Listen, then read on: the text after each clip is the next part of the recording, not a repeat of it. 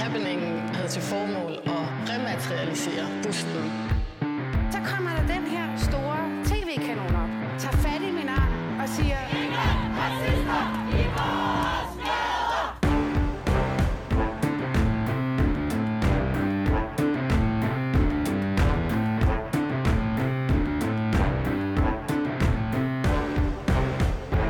Ja, velkommen til anden time af Baby og Boomer. Mit navn er Phyllis Jassar, og hver uge har jeg en assisterende vært i form af en boomer med her i studiet. Og i dag er det sørt med debattør, journalist og Mikkel Andersen.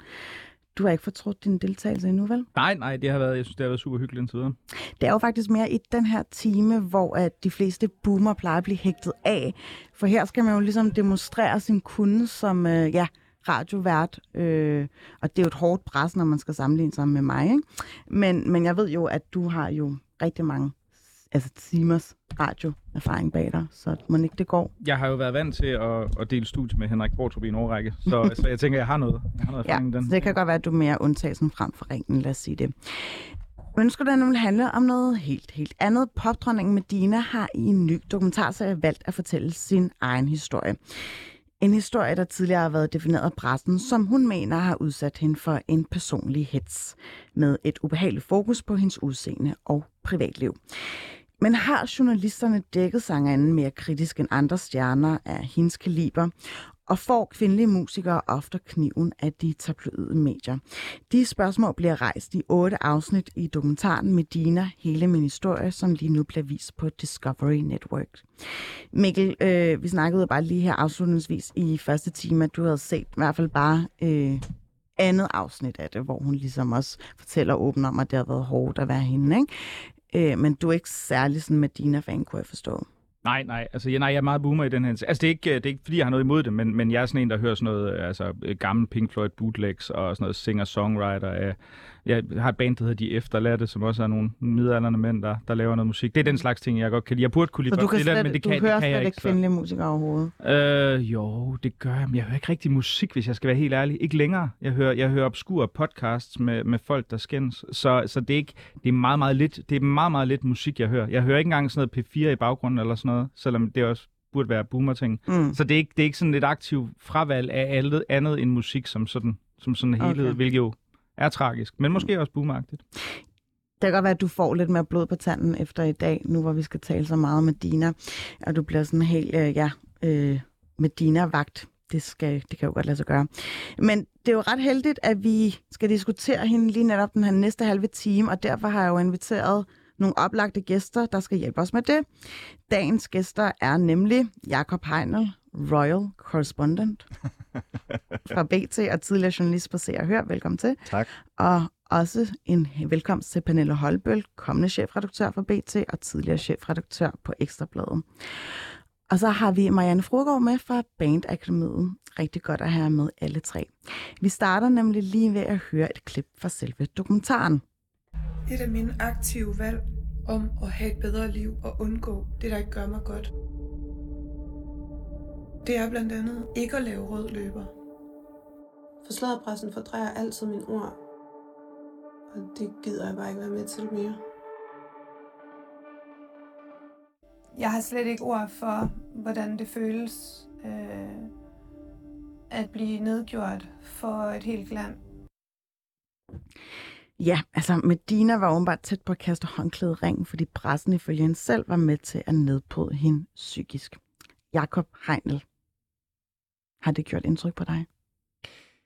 Ja, det gjorde det, øh, det, gjorde det da øh, klart. Øhm, øh, nu, øh, nu har jeg ikke øh, set filmen, fordi vi var ikke øh, nogen af, vi var ikke inviteret til at se filmen. Du var i bad standing allerede på Ja, det ved jeg ikke, om man kan sige. Jeg tror ikke, jeg er en af hendes yndlingsjournalister, eller har været det, øh, fordi jeg har været i upressen.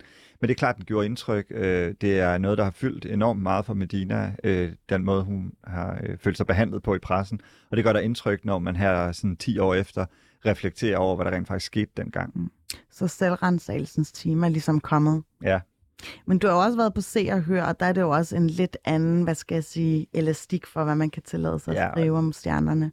Jeg tror også, at det er vigtigt at, øh, at sige, at der har jo været mange forskellige perioder på Se og Hør, uden at det skal blive sådan en længere mediehistorie.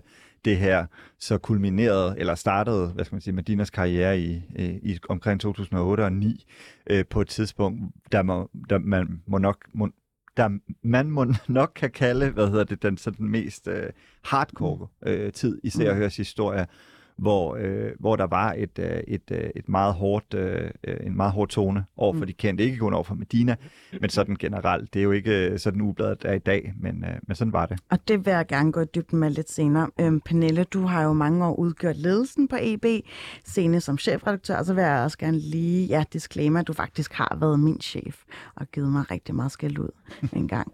Øh, så på den måde er mediebranchen jo en stor, dejlig fedt at kunne fest. Øh, og du skal selvfølgelig være øh, ny chefredaktør på BT øh, om ikke så længe. Er der noget, du fortryder i dækningen af Medina fra din tid på Ekstrabladet? Du skal bare huske at tale ind i mikrofonen. Jamen, nu skal jeg også lige deklarere, at altså, jeg blev færdiguddannet fra Journalisterskolen i 2010. Så, så de første år der, det, der kan man sige, der hørte jeg nok mere med Dina, fordi jeg gik ud, øh, end, jeg, end jeg dækkede hende journalistisk. Øhm, men, øh, men ja, altså jeg synes, øh, når der bliver, altså, øh, bliver peget fingre af, af, af, af pressen, eller der, der ligesom kommer denne her øh, debat frem på baggrund af, af hendes historie, så, øh, så synes jeg da, det er, det er helt, helt oplagt og helt naturligt at, at reflektere over, hvordan man selv har ageret Mm. i, i det. Øh, også selvom det har været nogle år, hvor det ikke nødvendigvis har været værst for hende, men så har der måske været alt muligt andet. Sådan helt navlebeskuende, hvis du kunne pege på et eller andet, hvor du tænker, ej, den har nok ikke gået i dag. Jamen, jeg ved ikke, om der var noget, der ikke var gået. Øh, øh, altså sådan helt ærligt har udfordringen for mig, både personligt, men synes jeg også for Ekstrabladet, været øh, Thomas Treves anmeldelser i forhold til Medina. Mm. øh, hvor jeg synes, de år, øh, hvor jeg var, øh, var i ledelsen på Ekstrabladet, synes jeg, at vi gjorde et stort indhug i forhold til at dække underholdning på en, en mere moderne måde, men jeg synes, at, øh, og det synes jeg også fremgår af, jeg har set tre afsnit af dokumentaren, og ikke filmen, men at der er noget omkring, øh, i hvert fald i forhold til Ekstrabladet, det har været Thomas Treves anmeldelser, der har, Mm. der har sat en tone, haft en karakter, der har været øh, grænseoverskridende.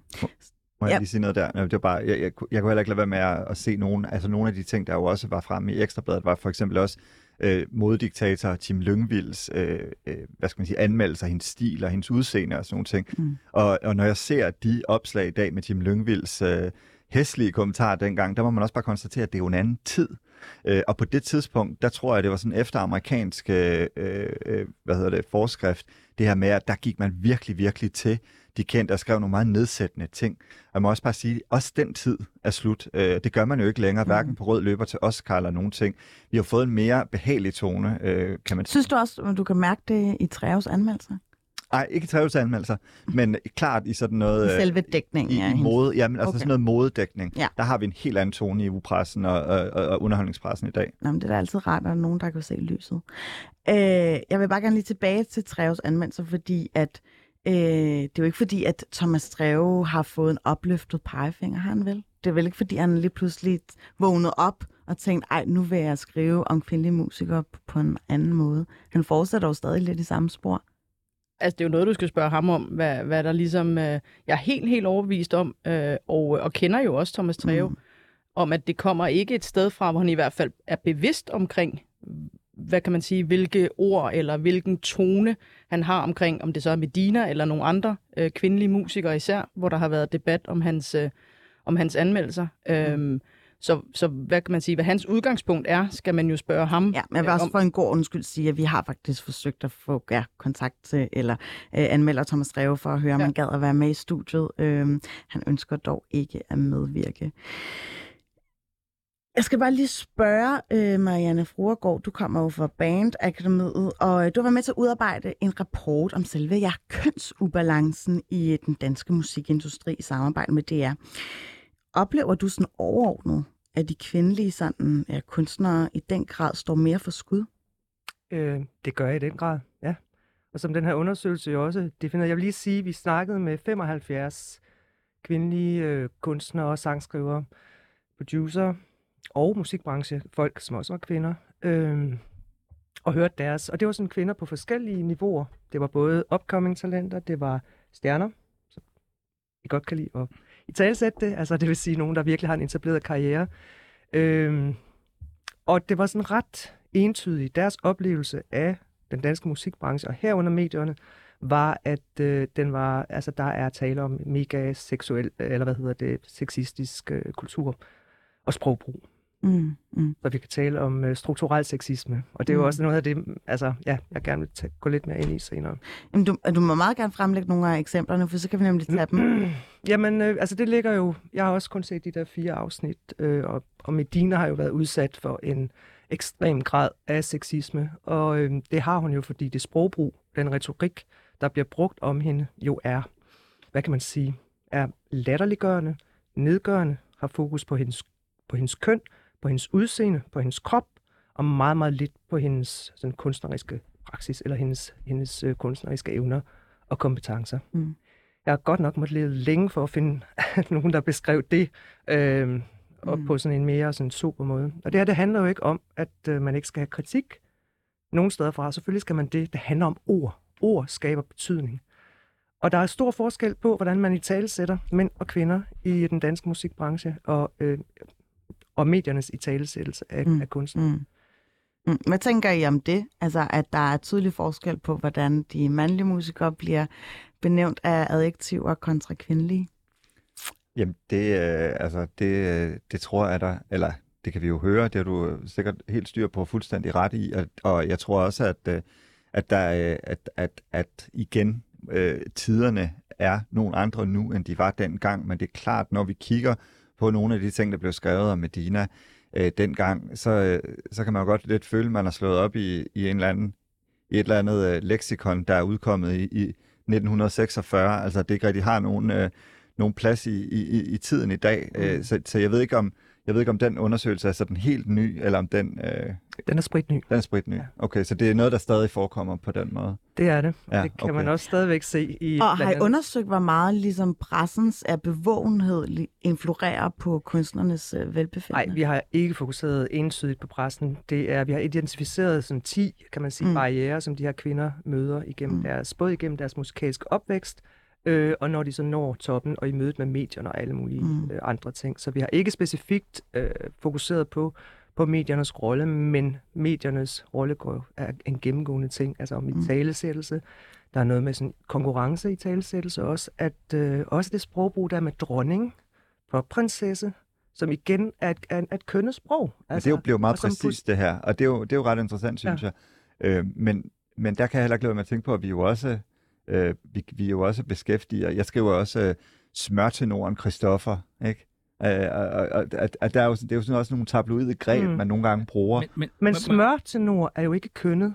Det er popprinsesse Hvad med og the- popdronning. Men hvad med the, king of, the King of Pop, Ja. vil det være et, et problematisk udtryk, eller The King of Rock? Nej, Nej. måske ikke så meget. Jamen, Okay. fordi, at du en dron... Jamen, fordi ordene stadigvæk betyder noget. Der er forskel på, hvad dronning og hvad konge. Okay. Men jeg ser jo ikke, absolut ikke, når jeg har kaldt Medina popdronning, det tror jeg nærmest stadigvæk, jeg gør, Mm. øh, så ser jeg jo ikke, øh, jeg ser jo intet negativt i, øh, i, i, i den betegnelse. Nej, og det kan man sige, isoleret set er der jo heller ikke noget galt. Der er noget, der hedder dronning. Mm. Men på en eller anden måde, i, fordi det bliver sagt i sammenhæng med alle de andre ting, så bliver det nedværdigende, og så bliver det sådan lidt latterliggørende. Øhm, eller måske er det et greb, der handler om, at du skal sættes op på en pedesta- pedestal. Øh, dronning. Mm. Der er ikke noget højere end dig. Og så kan du så ellers blive øh, mådet til øh, på alle mulige måder, fordi så har du også den der kontrast, den der den narrative kontrast, som er skide spændende. Mm. Det ved jeg ikke, nu Mm, jo, jo, spekulerer er jeg jo bare. Altså, Men, men, er men jeg synes, der er noget ikke? interessant i det, Ja. fordi vil I på en eller anden måde sige, at pressen jo også har været med til at øh, fremme hendes karriere jo? Bestemt. Jo, men det er selvfølgelig, selvfølgelig har, har den det, men man kan sige, at vi lever jo i en eller anden øh, akvarie, var lige ved at sige. Altså, der er jo en, en fødekæde, så man kan sige, Medina kom jo også ud på et tidspunkt, hvor sociale medier ikke øh, eksisterede, og derfor var, øh, jeg ved ikke, man skal sige naturligvis, nu kan man ikke se, at jeg laver øh, gåsøjne, øh, havde hun jo også et, øh, et, et et, et, øh, et forhold til pressen, sku- brugte pressen til at, at komme frem som alle andre øh, politikere, kunstnere, øh, mennesker med en sag, med en passion ville gøre, så, så øh, fuld, ingen, mm. ingen om det tiden med sociale medier en anden. Hun kan mere styre sin egen fortælling. Man kan styre sin egen fortælling. Øh, men jeg vil bare godt lige, bare lige kort med det her med, med ord og, og betydningen. Fordi altså, jeg synes ikke, der er nogen som helst tvivl om, at der er selvfølgelig en tonalitet, der er en, en, en smag, hvordan kvinder, kvindelige kunstnere, øh, kvinder, der stiller sig frem, bliver omtalt, bliver spurgt ind til anderledes ting. Det er der, punktum. Det, det er der, og det er, øh, nogen kan se det tydeligere end andre, og nogen kan slet ikke se det, og så bliver det lidt svært at, at, at samtale om. Men man skal måske også passe på, at man ikke sådan udskriver checks, man ikke kan, kan indkassere. For et eksempel er bare omkring det med, med, med, med, øh, med ord, konge, popkonge. Det, jeg tænkte netop også på det. Popdronning, er, er det negativt lavet? Øh, da jeg blev, øh, jeg skal være ansvarshavende chefredaktør på, på BT, så fik jeg en masse tillykker. Øh, jeg fik blandt andet også tilsendt nogle, øh, nogle ballonger med øh, sådan, tillykke, øh, og så stod der øh, frøken chefredaktrice. Mm. Og det var ikke, fordi det var, altså, det var for en... Var det en boomer, der skrev det? Nej, det var det ikke. Det var en super cool, stærk kvinde, som netop er ret engageret i det her. Okay, jeg, jeg tror, det var med ironisk distance. Så. ja, men, men du ved, hvor at, at jeg var sådan, øh, skal man være chefredaktør, eller er mm. chefredaktrice sådan lidt, lidt, lidt mindre? Mm. Det er bare for at sige, den der, der er helt sikkert noget omkring tonaliteten i ord og, og nogle ældre begreber, som så bliver påklistret. Og man kan ikke bare sige, at det betyder det samme. Popkongen, popdronning, det er lige, det er lige, det er lige, der er jo noget i det. Mm. Men hvor grænsen er, hvordan man bruger det, det er også noget med, hvad, hvad er historikken, hvor meget bruger man det over for hvem, hvordan, hvordan er resten af tonen i dækningen i artiklen, hvordan, mm. hvordan arbejder den journalist, har, har journalisten, han, hun, blik for kilder, blik for tone, blik for, altså, for denne her øh, sådan tendens, der kan være til. Så, så det, er jo, det er meget mere komplekst end bare at sige, at, at, at man bruger nogle ord, og, og det er nederen. Hvad tænker du om det, Marianne? Mm, jeg ved ikke lige, hvad for noget af det, jeg skal svare, men jeg synes, det ja, bevidsthed omkring, Jamen, altså, man hvad det er for se det i en kontekst, ja, og, og man ikke præcis. Øh, nødvendigvis skal gå igennem Nej. Øh, altså, man mens med sproglig tættekam. reflektere over, hvad det er for nogle ord, man bruger i hvilken kontekst. Og hvis kvinder, ja, det, altså den her undersøgelse fortæller rigtig mange af dem, at de altid, altså de oplever lidt, at deres evner bliver nedvurderet. Ikke? De, der mm. bliver, de bliver miskrediteret sådan lidt i forhold til, er det nu dig, der har skrevet den her sang, eller mm. er det nu dig, der står bag knapperne, eller er det, altså, så, så, så altså alt sådan lagt sammen, så derfor bliver dronning måske også lidt mere ladet end ordet i sig mm. selv. Øh, mm.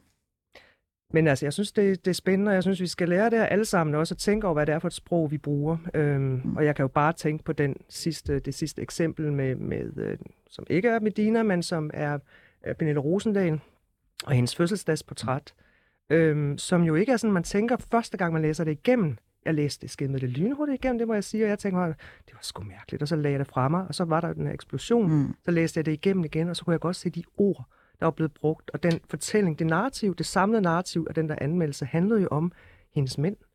Altså, ja. Og talte du lige fuldstændig ned i de her yes. oplevelser, som kvinder har. Og jeg føler altså, at Medinas mand virkelig også er blevet brugt til at lave det her narrativ mm. om, at hun er en man i det. Og jeg tror faktisk, for at være helt ærlig, Jacob, at du engang har skrevet øh, en artikel om Medinas sutteklud. Kan mm. det passe?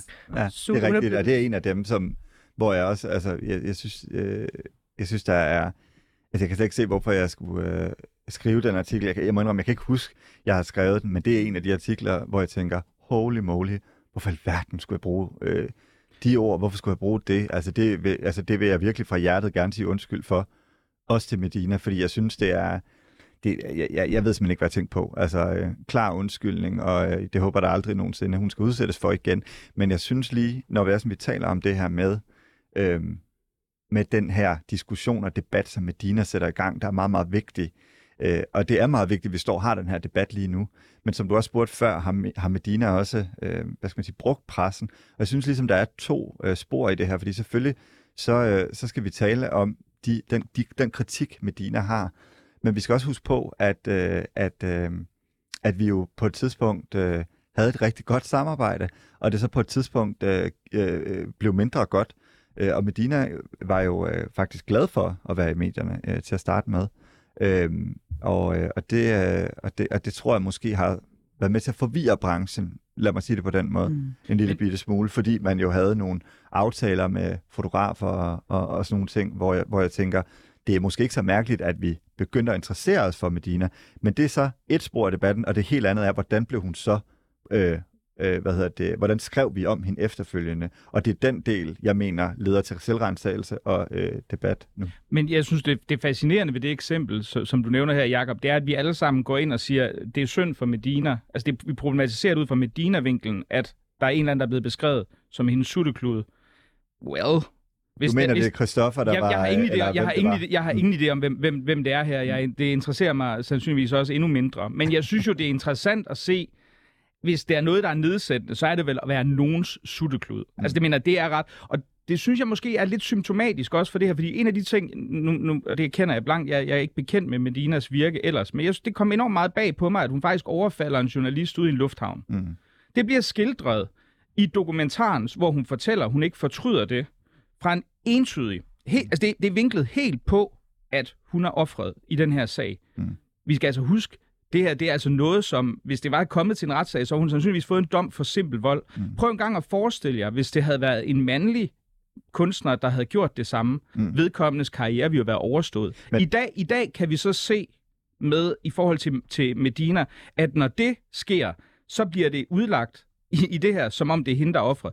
Det synes jeg er ret fascinerende, og jeg synes, det, det, er, et, det er interessant at se på, hvad det er, hvad det er at øh, det at applicere et kønsnarrativ på nogle bestemte ting faktisk kan, kan udvirke For det her. meste Men i jeg- men jeg filmen, det bliver udlagt, som hun er Ja, derfor, ikke? Og absolut, det er det, der absolut. så er jo absolut. Jo, nogle men det er film- forskellige det er film- spor, at man eller diskuterer filmen Absolut. ud fra et journalistisk udgangspunkt. Fordi Absolut. der er det klart, der er det, Ja. det er jo også, det synes jeg egentlig også har været en fair øh, samtale, der har været. Hvad, hvad er det for en form for, hvad skal vi kalde det, produkt? Altså er det en fanfilm? Mm. Er det en dokumentarfilm? Er det en, mm. en artistfilm? Øh, er det et statement?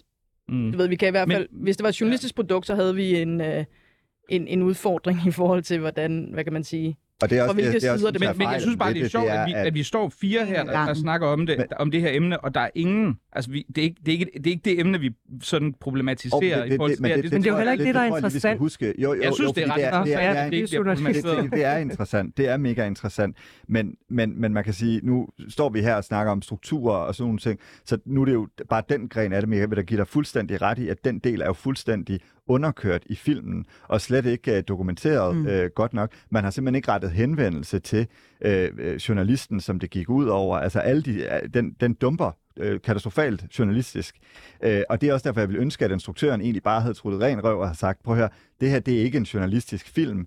Øh, det er et øh, Medinas perspektiv, fordi så vil jeg synes, jeg bedre kunne forstå, at, at der ligesom ikke blev, hun ikke Mm. bliver gået på klingen på den her, for det er da klart, at Mhm. vold kan der aldrig nogensinde øh, øh, være okay. Så hendes hvad. kritik af pressen kan, altså i er værste ikke hendes kritik af, Men, pressen, altså, men- klinger den hul så, hvis man ser det, det skær af, at hun faktisk selv har overfuset en Nej, det synes jeg ikke i forhold til de her strukturelle ting, vi taler om. Der synes jeg ikke, den klinger Mm. hult. Men jeg synes bare, at det er, et væsentligt, det er en væsentlig historie i det, som jo øh, som blev skøjtet henover i nogle Ja. medier, og som i den grad blev skøjtet henover i dokumentaren. Og det blev hendes kokainmisbrug Men- jo også. For mig er det sådan lidt en, en afsporing af debatten, fordi det er jo ikke det, det handler om. Det handler jo om, hvordan Medina er blevet, altså i min bog i hvert fald, hvordan hun er blevet behandlet. Og ikke om, Men det er vel ikke en hvad det er for afsporing? Ja, men en... det handler Jamen, du er jo til også at om nogle tale ud. tænker jeg. Må jeg godt tale ud? Ja.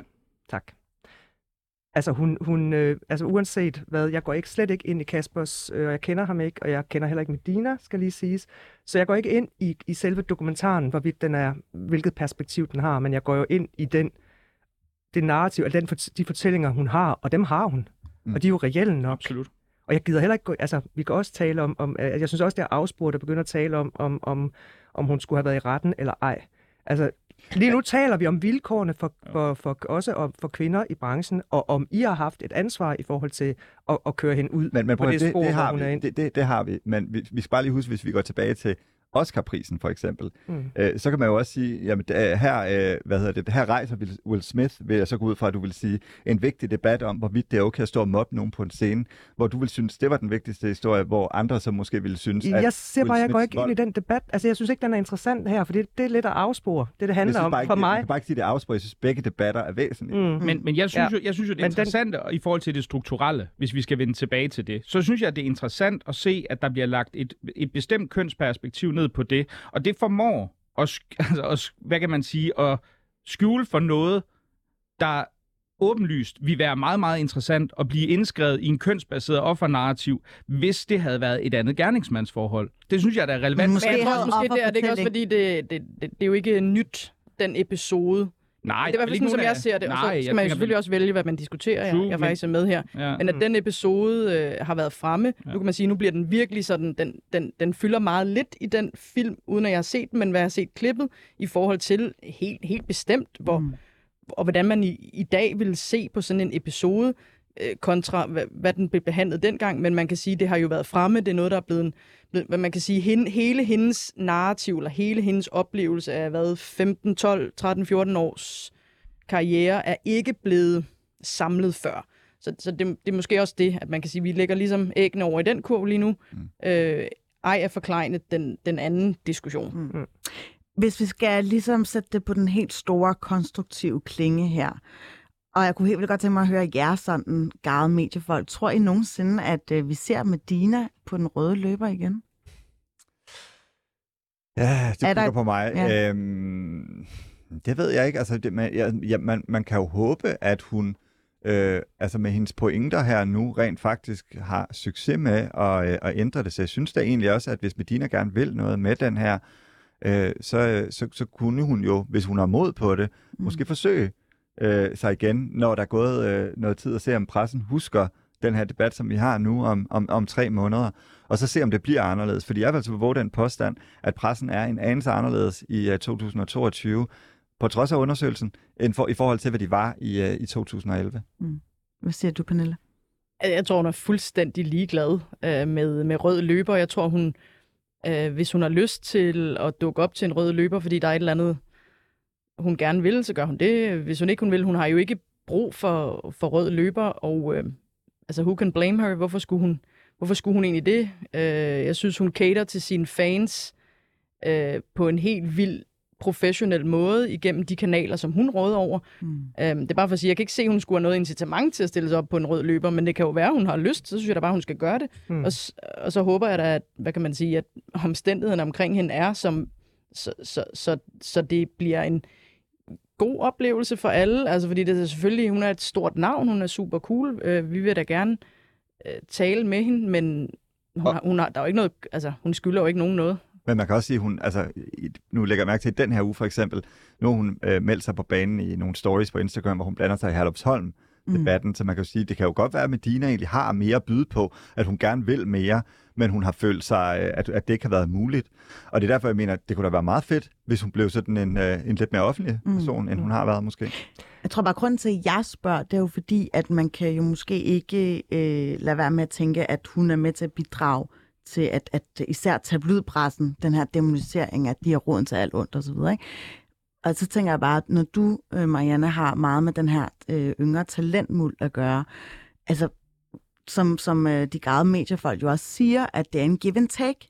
Det er jo faktisk noget, hvor musikerne jo også er, er direkte afhængige af omtalen. Så hvordan får man ligesom ja, hævet sig op over den her negativitet, som præger pressen? Jamen det gør man jo ved at lade være med at fokusere på, på krop, køn og udseende, øh, og lade være med at bruge så mange kønnede ord, og lade være med at være latterliggørende og nedgørende. Øh, altså jeg vil sige, selvfølgelig har, har man brug for omtale, men nogle gange har man jo, altså i medierne, selvfølgelig har man det, når man gerne vil opbygge sin karriere, men altså mange af de her kvinder i, i undersøgelsen, både de gavede og de uh, up and coming, har jo oplevet det der med, at, at de forsøger at fortælle en historie om deres musik, øh, hvad de gør, hvad deres tanker har været, og så bliver det fokuseret på, hvordan de ser ud, øh, hvem deres kærester er, og, øh, og hvad hedder det, hvad deres øh, tøj, øh, tøj Men undskyld, jeg siger du har jo selv arbejdet på Ekstrabladet, og Nej, det var jo noget... jeg godt Nej, jeg nok. siger, jeg har Nå, okay, ja, jeg har ikke. Og, og hvis du havde, så er det jo ikke, altså, det er jo ikke et eller andet s- vanvidssted. Altså sådan, nej, nej, nej. jeg vil aldrig sætte mine fødder der. Det er sådan, man bliver også lige nødt til at lige komme op på, så Ja. vi alle sammen er på, ikke på nogle hvide heste, men vi er på nogle... Altså, det ved jeg godt, der er, der er mange nuancer. Det er jeg udmærket klar over. Jeg siger bare, at jeg har selv været journalistpraktikant ja. På Ekstrabladet, og noget af det, jeg fandt ud af, det er, at der jo er et ret stort ja, marked for det. Der er jo faktisk rigtig mange, der gerne vil læse om Medinas kæreste. Mm. Så er det en gråzone-diskussion, eller er det ikke også bare udbud og efterspørgsel?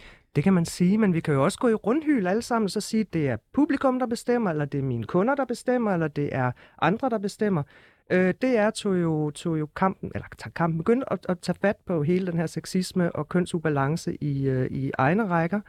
Øh, de havde jo i mange år sagt, mm nej, det er musikbranchen, der ikke signer nok kvinder, derfor kan vi ikke spille flere kvinder. Mm. Og, og musikbranchens øh, virksomheder, det vil sige pladeselskaber og så videre, booker og så videre, så videre, som i øvrigt næsten kun står af mænd, de der gatekeepers, sagde, at vi kan ikke, øh, vi signer ikke flere kvinder, fordi medierne tager dem ikke. Og så går man sådan i rundhyl. Og så er der ikke nogen, der tager ansvar. Og jeg tænker, det er simpelthen ikke et upcoming talents ansvar, Mm. øh, nødvendigvis, at gå ud og, tage, øh, hvad hedder det, og lægge armen med medierne. Det, det, det er I simpelthen for stærkt til, og det har I for meget magt til. I har en magtposition. Og det er jo selvfølgelig den, der, den I skal være bevidste om, øh, og reflektere over sprogpraksis og alt det her. Men nu kan man vel godt vigtigt. skrive om, at folk har kærester, uden at det behøver at være øh, altså en, en eller anden form for kønsubalance. Men er det, er det vigtigt i en, en, øh, ja, i en artikel medier. om, øh, om, om, om, om en, en øh, kvindelig kunstner? Altså, er, det- er det relevant? Jamen det, men det, det kommer an på, hvad det er. Det, det er jo det kommer virkelig an på, hvad det er for en Ja. artikel. Altså, jeg plejer jo altid, hvis jeg skal lave et interview med en, så vil jeg da gerne tale øh, med vedkommende om det, der er allervigtigst mm. for vedkommende. Det kan så være kærlighed, det kan være musik, det kommer an på, om kommer der et nyt album, er der nogle ændringer på den Mm. mm. front, men det kan jo være mange Mm. mm. ting, og vi kan jo ikke stå her og, øh, og sige, at vi kommer ikke til at interessere os for folks privatliv. Mm. Mm og, og folks øh, øh, liv, fordi det, det gør vi jo. Mm. Mm. Men bare for at sige, altså jeg interesserer mig også for, hvis Christoffer får en kæreste, og Medina får en kæreste, det synes jeg sagtens, man kan inden for skiven i forhold Mm. til.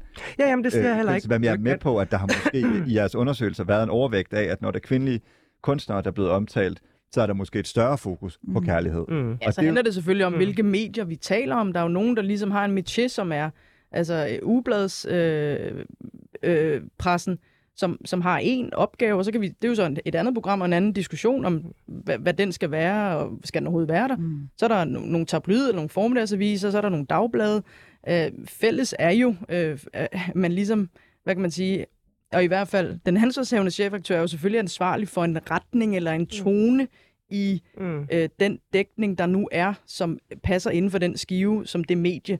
Så, så, så det er klart, man, man går tættere på øh, i- på nogle medier end- på andre. Øhm, og så synes jeg, det handler om at respektere, når, når kendte eller upcoming mennesker, øh, kvinder og mænd, ikke har lyst til at tale om deres privatliv. At, Mm. det er en, at man respekterer det, at man ikke jagter, at man ikke laver historier uden bekræftelse for begge parter osv. Men, men Pernille, er det ikke, altså er det ikke, man kan sige, og det er jo ikke, det er jo ikke fordi jeg, jeg nødvendigvis er uenig, men man kan sige, er det ikke, er det ikke bare et angreb på tabloid-genren som genre, du er ude i så? Fordi jeg mener, altså, hvis, man, naturligvis kan man jo ikke som journalist undlade at respektere, hvis folk ikke vil snakke om et eller andet, men jeg tænker, du, jeg vil jo gætte på, at se og høre kommer til at skrive om både mandlige og kvindelige kunstneres kærester, uanset om de har lyst til at Jamen, snakke det om synes jeg da eller også, de skal. Det synes altså, jeg og også, det, de og det er det, jeg mener, så det er vel det, er vel det de gør. Altså, Ja, jeg mener, det, jeg, hvor jeg sidder og tænker, at det, er jo, det kan man være enig i eller uenig, men, men jeg synes også bare, altså, det, det jeg måske undrer mig over lidt her, det er den her sådan, for mig at se meget forseret kønsvinkel på det. Fordi det er jo ikke som om, Altså, for nu at tage for eksempel øh, Lasse Remmer, ikke? Nu, jeg ved ikke, hvor mange, der har læst om og fulgt med i hans øh, øh, øh kæreste, kære, øh, lidt yngre kæreste. Det har været skrevet om og publiceret om, jeg ved, i, i hvor mange medier. Altså, der, der, du kan jo ikke applicere og sige, har vi en midalderne stand-up-komiker, hvis kæreste der så også bliver skrevet om. Altså, det er jo noget, der bare interesserer rigtig mange læsere i alle mulige sammenhænge. Og så også lige, fordi jeg synes, det er lidt sjovt. Altså, nu snakkede vi om Treve tidligere, ikke? Der bliver det også til sådan noget, at han er særlig nedgørende over for kvinder, ikke? Jeg brugte 10 minutter på i går at finde øh, et par citater fra ham. Prøv at høre. Helm, Helmi anno 2018 minder om den pinlige onkel, der staver uønsket omkring på ungdomsklubbens dansegulv og leder febrilsk efter sin benprotese. Så kalder han øh, en, der hedder Willy DeVille, for en suspekt støder Men fra undskyld. Pirates of the Caribbean. Og derudover så siger han, at der er en fra Nick og Jay ligner en, øh, en, en mere eller mindre klam Alfons. Men Altså- at han er perfid over for mænd, Mm. gør det vel ikke mere legitimt, at han Nej, er der nej, for men jeg mener bare, men det illustrerer jo bare, at hvis du så insisterer på at nedlægge et kønsperspektiv over den her debat, så er det jo tydeligvis relativt forseret. Hvis man kan sige, at han faktisk er grov og nedgørende over for mænd også, så er det et problem, at han er grov og nedgørende. Det kan du så diskutere, men hvis du så anlæ- vælger at anlægge et selektivt kønsperspektiv på det, så er det jo, altså, så er det jo misvisende. Fordi det er jo ikke det, der er problemet. Det er, at han er nedladende. Det er rigtigt, og mænd bliver også øh, behandlet nedladende i medierne, men jeg vil bare sige, at øh, tonen omkring kvinderne er simpelthen anderledes, og der er en, en, et kønnet perspektiv i det. Mm. Mm. Øh, og Fuld for eksempel onkel, det fuld første... onkel. Kender du mange kvinder Nej, men prøv at høre, nu skal jeg lige sige en ting. At øh, det, det Helmi er udsat for, det hedder ageism, Og det er, eller alderisme, det vil sige øh, forskelsbehandling på grund af, af alder. Og det er mænd og kvinder udsat for. Kvinder er bare igen endnu mere udsat for det øh, end mænd, fordi narrativet eller strukturerne i branchen, eller stereotyperne i branchen er sådan, at du skal helst skal være ung, smuk, tynd og fuckable, så, at, så er det godt. Så snart du tillader dig at blive lidt gammel, så øh, bliver du svinet, øh, hvilket mm. selv samme Treve også peger på her. Øh, altså det var bare sådan med en mand, men han gør det så også med, med andre kvinder, øh, eller med kvinder i den mm. grad. Så hvis, I bare, hvis jeg går herfra, I vil love mig en ting, det er, nu fylder Medina 40 snart, går jeg ud fra, at I vil lade være med at tale nedsættende om hendes alder. I vil lade være med at tale nedsættende om den del, hun får, eller de rynker, hun har, eller får.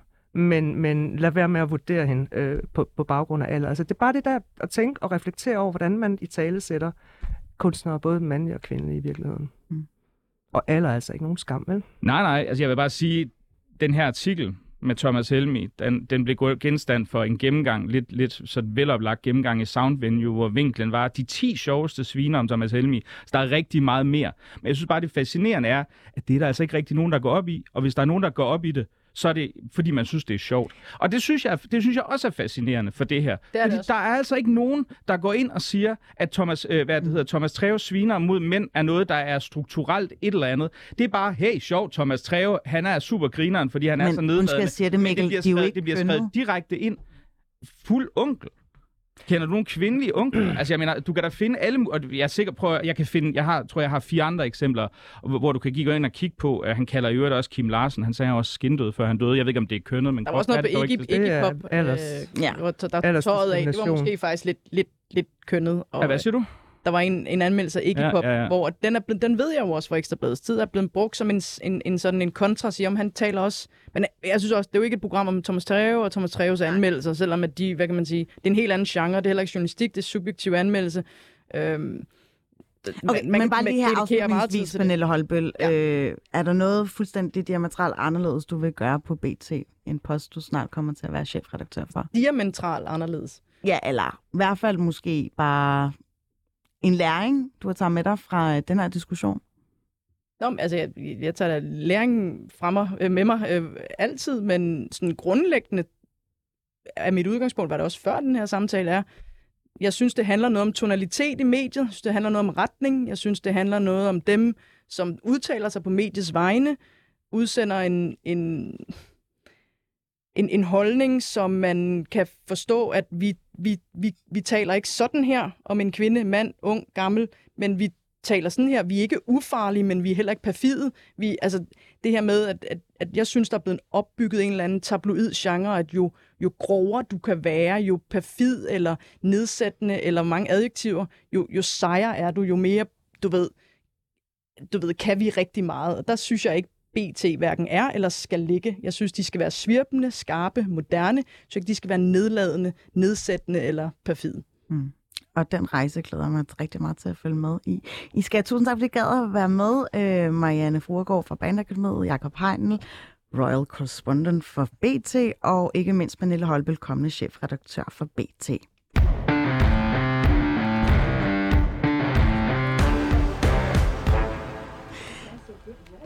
Nu skal vi nemlig til den anden og sidste debat, og øhm, I skal stadig være lidt stille i studiet, for nu handler det ikke om jer, selvom det var rigtig spændende. Nu får vi nemlig en anden personlighed, som kom, kan kommentere for alle tre medvirkende i studiet. Hun hedder Anne Kirstine Gramon. Velkommen til. Tak for det. Øhm, for uden at være radiovært, så har du jo en, en BIX, hvor du er selvstændig kommunikationsrådgiver, og øh, du blander dig i den grad også i den offentlige debat. Nu har jeg lige trukket stikket her for det seneste, men i september, der skrev du en, øh, ja, et indlæg, som blev hæftigt omtalt, fordi du ligesom opfordrede kvinder til at lade være med at bage, og ikke at tage hjemmebag med på arbejdspladsen. Og øh, kan vi lige så godt bare lige slå hul på den byld, fordi at vi skal nemlig tale om, øh, om kønsspecifik omsorgsarbejde. Det er nemlig det, som uh, The No Club, Putting a Stop to Women's Dead and Work, ligesom øh, i gang sætter af forskning og debat. Her er fors- forskerne nemlig nået frem til, at der er en større forventning om, at kvinder altid påtager sig en frivillig opgave, og at mænd kun melder sig frivilligt i situationer, hvor der ingen kvinder er til stede. Det ses for eksempel i forhold til at melde sig frivillig som kagebærer, eller at have ansvaret for at ansætte praktikanter, opgaver, som i store dele, eller store hele ikke er særlig karrierefremmende. Så det synes jeg, vi skal dykke ned i. Det synes jeg nemlig er enormt interessant. Øh, anne Christine, er der noget ved, ved The No Club, som er overraskende for dig? Ikke rigtigt. Altså det, der er overraskende, er jo, at der faktisk er nogen, der har lavet det her store arbejde med at finde et, et øh, datagrundlag for, at det forholder sig sådan. Øh, jeg, jeg skrev et indlæg om det i september, men det er jo faktisk noget, jeg også har turneret med øh, langt tidligere som jo på, er på baggrund af mine egne anekdotiske erfaringer, som jo ikke øh, selvfølgelig vælter øh, eller vægtes øh, særlig tungt. Og det skal de heller ikke. Men, men det, der er øh, det overraskende, det er, at, øh, at man ligesom kan sige, okay, men det er en ting, det her. Mm. Mm. Altså, hvordan kan man ligesom i dag, uden at pege fingre af pigerne, for der er jo ikke noget galt i at bage. Der er jo ikke noget galt i, at altså, det er jo noget, som egentlig er ret øh, fordelagtigt ved at være på en arbejdsplads. Hvordan kan vi lade være med at tale om det, som om det er altså kimen til det onde? Altså, jeg har det jo sådan lidt, you do you. Hvis du gerne vil blive til dit arbejde, så er det helt fair. Øh, men hvis du ikke har lyst til det, så skal du heller ikke påtage dig den opgave. Og jeg mener også, at øh, en af de grunde til, øh, jeg synes, det er vigtigt at snakke om, det er også øh, for cheflaget, øh, at de bliver opmærksom på, okay, der kan ligge nogle øh, strukturer her. Altså, jeg blev opmærksom på det på et tidspunkt, hvor jeg, jeg er jo born and raised i kommunikationsbranchen og har arbejdet på bureauer og også sådan, altså, nogle ret hårde arbejdsmiljøer, hvor man skulle performe men hvor jeg opdager eller overhører en, en manager, øh, øh, der øh, siger til de nye praktikanter, til de kvindelige praktikanter, vi kan jo godt lide praktikanter, der bager her, og I skal bare vide, jeg elsker banankage.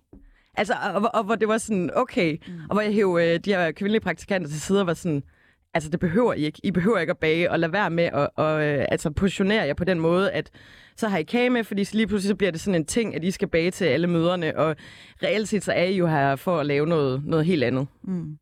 Tror du, der er noget i den måde, man opdrager piger eller kvinder på, som præger dem sådan langt hen ind i deres øh, professionelle karriere? Altså, det tror jeg faktisk, der er. Jeg har selv reflekteret om det, over det. Jeg har jo også selv øh, synes altid, at jeg har haft fuldstændig de samme muligheder som alle andre, men jeg kan godt se, at min opdragelse i langt højere grad end mine stedbrødre har handlet om, at jeg skulle også øh, vaske mit eget tøj, og jeg skulle også øh, øh, rydde af øh, efter aftensmaden, hvor, hvor at, at det blev da ikke forventet af dem. Så ja, det tror jeg da helt klart, og jeg tror, det er sådan noget, der er så indlejret på en eller anden måde, at vi ikke rigtig ser det. At der er en eller anden forventning om, at hvis du er en pige eller en kvinde, så har du også en interesse i at øh, drage omsorg og... Øh, og også øh, lave emotionelt arbejde for andre. Det er jo også sådan en, en ting, vi begynder at tale lidt om, emotional labor, at øh, i mange familier er det, er det også øh, kvinden eller moren, der har ansvaret for, for de andres følelser, og ligesom skal hjælpe øh, de andre medlemmer af familien med at, og, og, øh, at håndtere de her følelser. Ikke? Mm. Så hvordan skal kvinder holde op med, eller hvordan skal kvinder så i fremtiden, altså med foranled af den her bog for eksempel, øh, lade være med at positionere sig som øh, ja, omsorgsarbejder på en arbejdsplads? Jamen, der ligger jo både en, en opgave i, øh, og det er jo det, de også gør i den her bog, øh, The No Club, øh, at få identificeret, hvad er det for nogle opgaver. Øhm, og, og så ligger der jo også en eller anden arbejdsgiveropgave i at, at respektere, hvis man øh, spørger en medarbejder, en kvindelig medarbejder, gider du lige at og sidde og bruge din aften på at pifte den her PowerPoint-præsentation til mit møde op i morgen, øh, at, at det så er okay at sige, nej, det vil, det vil jeg faktisk ikke, for jeg vil egentlig gerne koncentrere mig om det, der er min kerneopgave på den her arbejdsplads, som er at lave dit, dat, mm. du, ikke? Men noget, noget af det, som kvinderne faktisk stusser over, dem øh, selve øh, forskerne bag selve bogen, som har lavet det her datasæt, øh, de siger jo, at de føler sig meget trygge ved at give arbejdsopgaver til piger eller kvinder i, øh, i firmaet. Altså, skal man nu også øh, nærmest, øh, ja, hvad skal jeg sige, øh, trækkes ind i, at det er dårligt, at man er så pligtopfyldende? Hvad hvis man godt kan manøvrere på begge parametre? Jamen, så skal man jo bare gøre det, og det er jo også, altså, det er jo helt fint, hvis det giver dig noget, eller hvis du føler, at øh, du udvikler dig ved at lave øh, en eller anden opgave, så skal man jo også bare gøre det. Altså, der er jo også der er jo forskellige tekst på det her. Altså, den her bog viser jo, at okay, Jamen, hvis du udfører de her opgaver, så, så er der lidt længere til ledelsesgangen, fordi du ligger... Altså, der, der er jo det eksempel med, at... Øh, at de øh, undersøger en virksomhed, som sælger konsulentydelser, og når man er i øh, sådan en virksomhed, så har du en eller anden form for faktureringsgrad, du skal opnå. Du skal af alle dine timer hver uge, skal du kunne fakturere 80% af dine timer eksempelvis.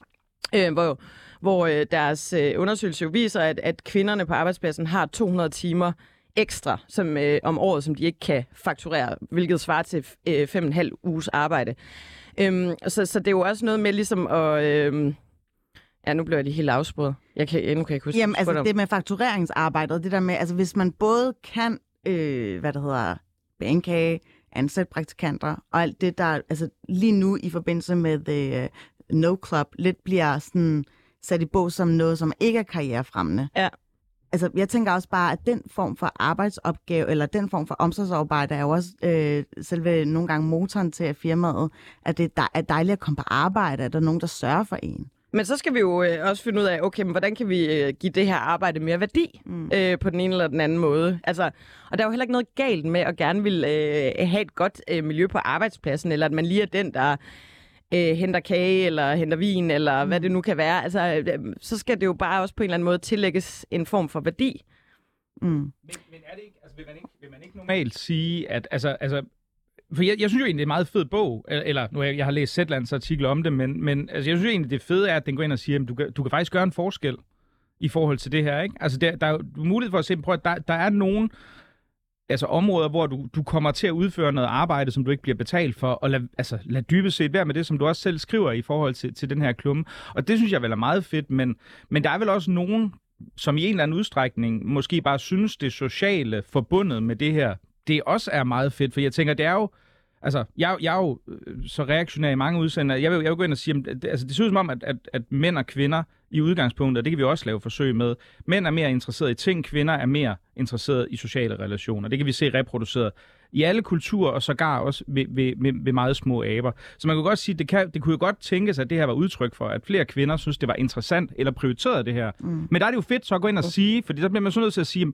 prøv at det nytter ikke noget. Du, det, du, skal, du skal ikke komme med den der rådne kage. Du skal faktisk fokusere på at være lidt mere at spille hardball, hvis det er det, du gerne vil med dit liv, at få en, en hårdt pumpet karriere. Jamen præcis, og det er jo det, altså man skal jo bare tage det valg på et oplyst grundlag, og jeg tror bare, at hvis ikke vi ligesom øh, taler om det, altså der, der er også øh, i den her proces gået en pros op for mig. Øh, altså jeg har haft nogle aha-øjeblikke, blandt andet at have siddet i møder, det er måske en lille bitte ting, men at være hende, som chefen kiggede på og sagde, gider du ikke lige hente nogle kaffekopper, selvom der faktisk sidder en, en mand, som er lavere hierarkisk placeret end mig. Altså også, det kan godt være, det er en lille ting, og at øh, ja, det tager mig fem sekunder at hente de der kaffekopper, mm. men i det store billede, så bliver det, altså, og det er jo det der med at træffe, øh, som, som Mikkel også siger, træffe beslutningen om, hvor skal min karriere gå hen på et oplyst grundlag. Altså hvis ikke man er opmærksom på det, så kan man i hvert fald ikke øh, øh, tage den beslutning. Og der er jo også, altså, der er jo også nogen, der vil abonnere på sådan hele den Jordan Petersonske øh, take på at gå ind på ledelsesgangene, at det, det, det sker i, i 30'erne, og 30'erne er typisk der, hvor man stifter familie, og hvor kvinderne jo så finder ud af, okay, der er faktisk noget, som er mere værdifuldt end en karriere. Det livet handler om, er faktisk de her relationer, det er mine børn, det, og, og på den baggrund øh, træffer en beslutning om at øh, ikke ville øh, sidde alene på, øh, på en ledelsesgang kl. 22.30 om aftenen og arbejde, at det faktisk ikke er det, der giver livet værdi.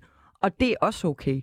Men man skal jo bare have lov til at, at træffe øh, beslutningen på et oplyst grundlag. Og hvis man netop er en kvinde, der, øh, hvor ens manager kigger på en og siger, jeg kan godt lide banankage, altså så, så skal man bare lige have den der i baghovedet og sige, ved du hvad, det er fint med dig, Marker, men så må du gå ned og købe dig en banankage, fordi jeg kommer ikke til at bage den til dig. Og at det er okay ikke at gøre det. Mm. Da du skrev det der indlæg tilbage i september, øh, hvor du fik helt vildt mange øh, hug for det, er der så nogen, der her i efterdønningerne, selv den, den her bog, har sagt til dig, Gud, hvor har du egentlig ret? Nej, det er der ikke. I hvert fald ikke dem, der kritiserer mig. Det er jo også sådan, det er jo lidt typisk, det er lidt den der ældre generation af kvinder. Det er jo også, øh, altså, det er jo lidt det samme, vi også har set i MeToo-debatten, hvor det er sådan, ved du hvad, jeg har fandme levet med at få et klap i røven, så, øh, så hvorfor kan I ikke bare leve med det? Altså, det er sådan lidt, øh, fordi jeg har gjort det, eller udholdt noget, eller har ydet en indsats på den her, så synes jeg, alle skal gøre det, og det er jo øh, lidt det take, jeg har mødt. Øh, jeg har til gengæld øh, oplevet rigtig mange unge kvinder, der har skrevet sådan, hey, jeg sad faktisk i et møde i dag, og så sagde min chef sådan og sådan, og så tænkte jeg lige på den der kageklumme, og så sagde jeg faktisk, øh, nej, det vil jeg ikke, men jeg vil gerne øh, arbejde på det her projekt. Og, altså, så... Mm. Mm. Men hele den her øh, ting med, at kvinder i højere grad bare melder sig som frivilligt til andre arbe- arbejdsopgaver på arbejdspladsen, øh, i kontra mænd, de springer kun på, når der ikke er nogen kvinder til stede. Det synes jeg er lidt interessant. Øh, så jeg, jeg tænker bare sådan, i de der virkelig forstokkede, øh, hvad, skal jeg sige, advokatfirmaer, hvor der nærmest er rigtig, rigtig mange mænd til stede, er der så bare slet ikke noget frivilligt, eller er der bare slet ikke nogen, der tager kage med? Men, men jeg, tror, jeg tror, det det er udtryk for, det, altså det er faktisk, at man kan sige, mænd skal nok melde sig frivilligt. De gør det bare, hvad kan man sige, og det, det tror jeg ikke er kønnet, de har bare en meget lavere, altså en, eller en meget højere tærskel for, hvor meget social, hvad kan man sige, uacceptabilitet de kan, de kan, de kan udholde, før de gør det. Så går den, så går den. Ja, ja. Altså, og jeg kender det, jeg kender det helt, helt konkret. Jeg kan huske, der skulle, der skulle vælges for, forældrebestyrelsesrepræsentanter i min datters klasse for mange år siden. Og, og de, der er så nogen, der sidder og siger, øh, hvad det hedder, jamen, vi vil gerne, kunne det ikke også være fint at få nogle mænd med, ikke? Og så sidder alle og kigger på mig og, og de to andre, de to andre fædre, der er der. Og jeg sidder bare og kigger ud i luften, for jeg skal ikke med i den der forældrebestyrelse, vel? Og der tror jeg, at, at mange øh, øh, hvad det hedder, øh, eller et, et, et større antal kvinder vil være mere sådan tænkt, jamen så tager jeg sgu en for holdet, ikke? Og, og er den der sociale lim, som, som jeg tror mange, altså fordi man, man, man synes det der med, at du har det socialt godt i en kontekst, tror jeg som gruppe, for, som køn betragtet, tror jeg, det, det oftere betyder mere for hvorfor kvinder, kan end det du gør ikke for være mænd. social lim, så? Men det er fordi, jeg ikke gider. Mm. Det er nemlig derfor, og det, og det er det, jeg mener, der er pointen. Det er fordi, jeg gider ikke. Jeg gider, Men ikke, det jeg gider ja. ikke sidde til de der, og jeg, jeg anerkender, hvis, hvis, men hvis der var fordi, der ikke var nogen andre, der havde meldt sig, så kunne det godt være, at jeg havde gjort det. Men nu var der nogen andre, der var meldt, og hvis jeg husker rigtigt, så var det sikkert også kvinder. Og, og det er jo der, jeg siger, den der, det er jo den der kynisme, som, fordi nu kageren jo, altså det forstår jeg, det er, jo, det er jo bare et eksempel, men det er det der med hele tiden at gå ind og sige, at man tager et ansvar for noget socialt på arbejdet, som jeg tror, mange kvinder gør, og sidder og tænker, jamen, der er jo ikke andre end mig, der får det til at fungere, hvilket sikkert også ofte er rigtigt. Fordi det, det er sgu ikke mig, der gør det. Øhm, og, og, og sådan tror jeg også, altså mange mænd har det. Og der tror jeg, man, der, der skal man vende sig til at sige, prøv at, det kan godt være, det bliver lidt ubehageligt nogle gange, men, men hvis, hvis det, jeg gerne vil, det er at, og, hvad kan man sige, at lave den her karriere, så er det altså ikke min opgave at prioritere det. Det kan faktisk lige så godt være dem, der aldrig nogensinde løfter en finger i den Men her der er, jo- og der er jo, øh, i forhold til det Mikkel siger, altså, der, det er jo i mændenes interesse også. Vi kan jo se for eksempel, når mænd bliver skilt, at så har de faktisk ikke, øh, eller at så er der det sociale netværk er ligesom noget, der hænger på kvinden, fordi det er hende, der ligesom har, har plejet det. Og, og man, man ser jo nogle gange mænd, der går fra at have et fuldstændig normalt øh, øh, familieliv, og så går der 20 minutter, og så er de dybt alkoholiseret og bor på gaden. Altså, så der er jo også en interesse i fra mændenes side, at det måske er noget, vi... Øh, vi, vi breder lidt ud, øh, altså også for deres, for deres egen skyld, ikke? Mm. Men, men he, hele den her med, at, at kvinder er mere sociale anlagte, og det jo åbenbart skal influere på deres ambitionsniveau, altså at man ligesom prioriterer anderledes. Er det en skrøne, at færre kvinder går efter at blive ledere? Det, jeg, ved, jeg ved det ikke. Altså, øh, ja, men jeg kan jo også se nu, nu er jeg selv i midt 30'erne, jeg kan jo se, at nogle af de der kæmpe karrierehunters, øh, som bare har kørt med klatten, og så får de netop børn, og så finder de ud af, at det er noget, mm. at det faktisk er, er der øh, værdien ligger. Altså sådan, øh, jeg har set nogle dybt overraskende tilfælde. Kvinder, der har haft enormt meget rundsav på albuerne, og har avanceret helt sindssygt, og så får de unger, og så øh, bliver det øh, så, så skruer de ned for karrieren, mm. fordi de faktisk hælder ved det andet, men tager jo det oplyste valg og siger, jamen det giver, det er det, der giver værdi til mit liv, det her, frem for, ja. Jeg ved, at du skal faktisk på en mere eller mindre øh, bogturnering, eller du skal i hvert fald holde nogle foredrag øh, med afsæt i selve bogen. Lad os bare lige sætte det på den store øh, konstruktive klinge. Hvilken kommende generation af, af kvinder på arbejdsmarkedet tror du, at øh, vi kommer til at se? Jeg tror da, at det er en mere bevidst øh, gruppe af kvinder. Altså, jeg kan da mærke, at der er fuldstændig, øh, der er i hvert fald stor interesse for det her emne, og det er jo sådan lidt ligesom, øh, når først du har set det, kan du ikke use det igen. Altså, så, så, så det bliver jo nogle øh, mere, skal man sige, bevidst, bevidste øh, kvindelige medarbejdere, som måske også har et, et øh, gerne vil selv have indflydelse på, hvilke opgaver de tager. Jeg glæder mig i hvert fald til at følge med på sidelinjen, hvis ikke jeg selv indgår med i den. Øh, anne Christine Cremont, tusind tak, fordi du gad at være med, radiovært og kommunikationsrådgiver. Og også tusind tak til dig, Mikkel Andersen, fordi du gad at ja, tage chancen som øh, David Træs. det var en... Uh... Lige den del af det ved jeg ikke, om jeg vil kalde en udsøgt fornøjelse, men ellers var det virkelig sjovt. Jeg håber, du hyggede dig, og du måske Absolut. har lyst til at komme tilbage igen. Du har lyttet til Baby og Boomer. Husk, at hvis du ikke lige fangede os live, så kan du jo faktisk finde os ved din foretrukne podcastplatform. Tusind tak for i dag. Mit navn er Phyllis Jassar.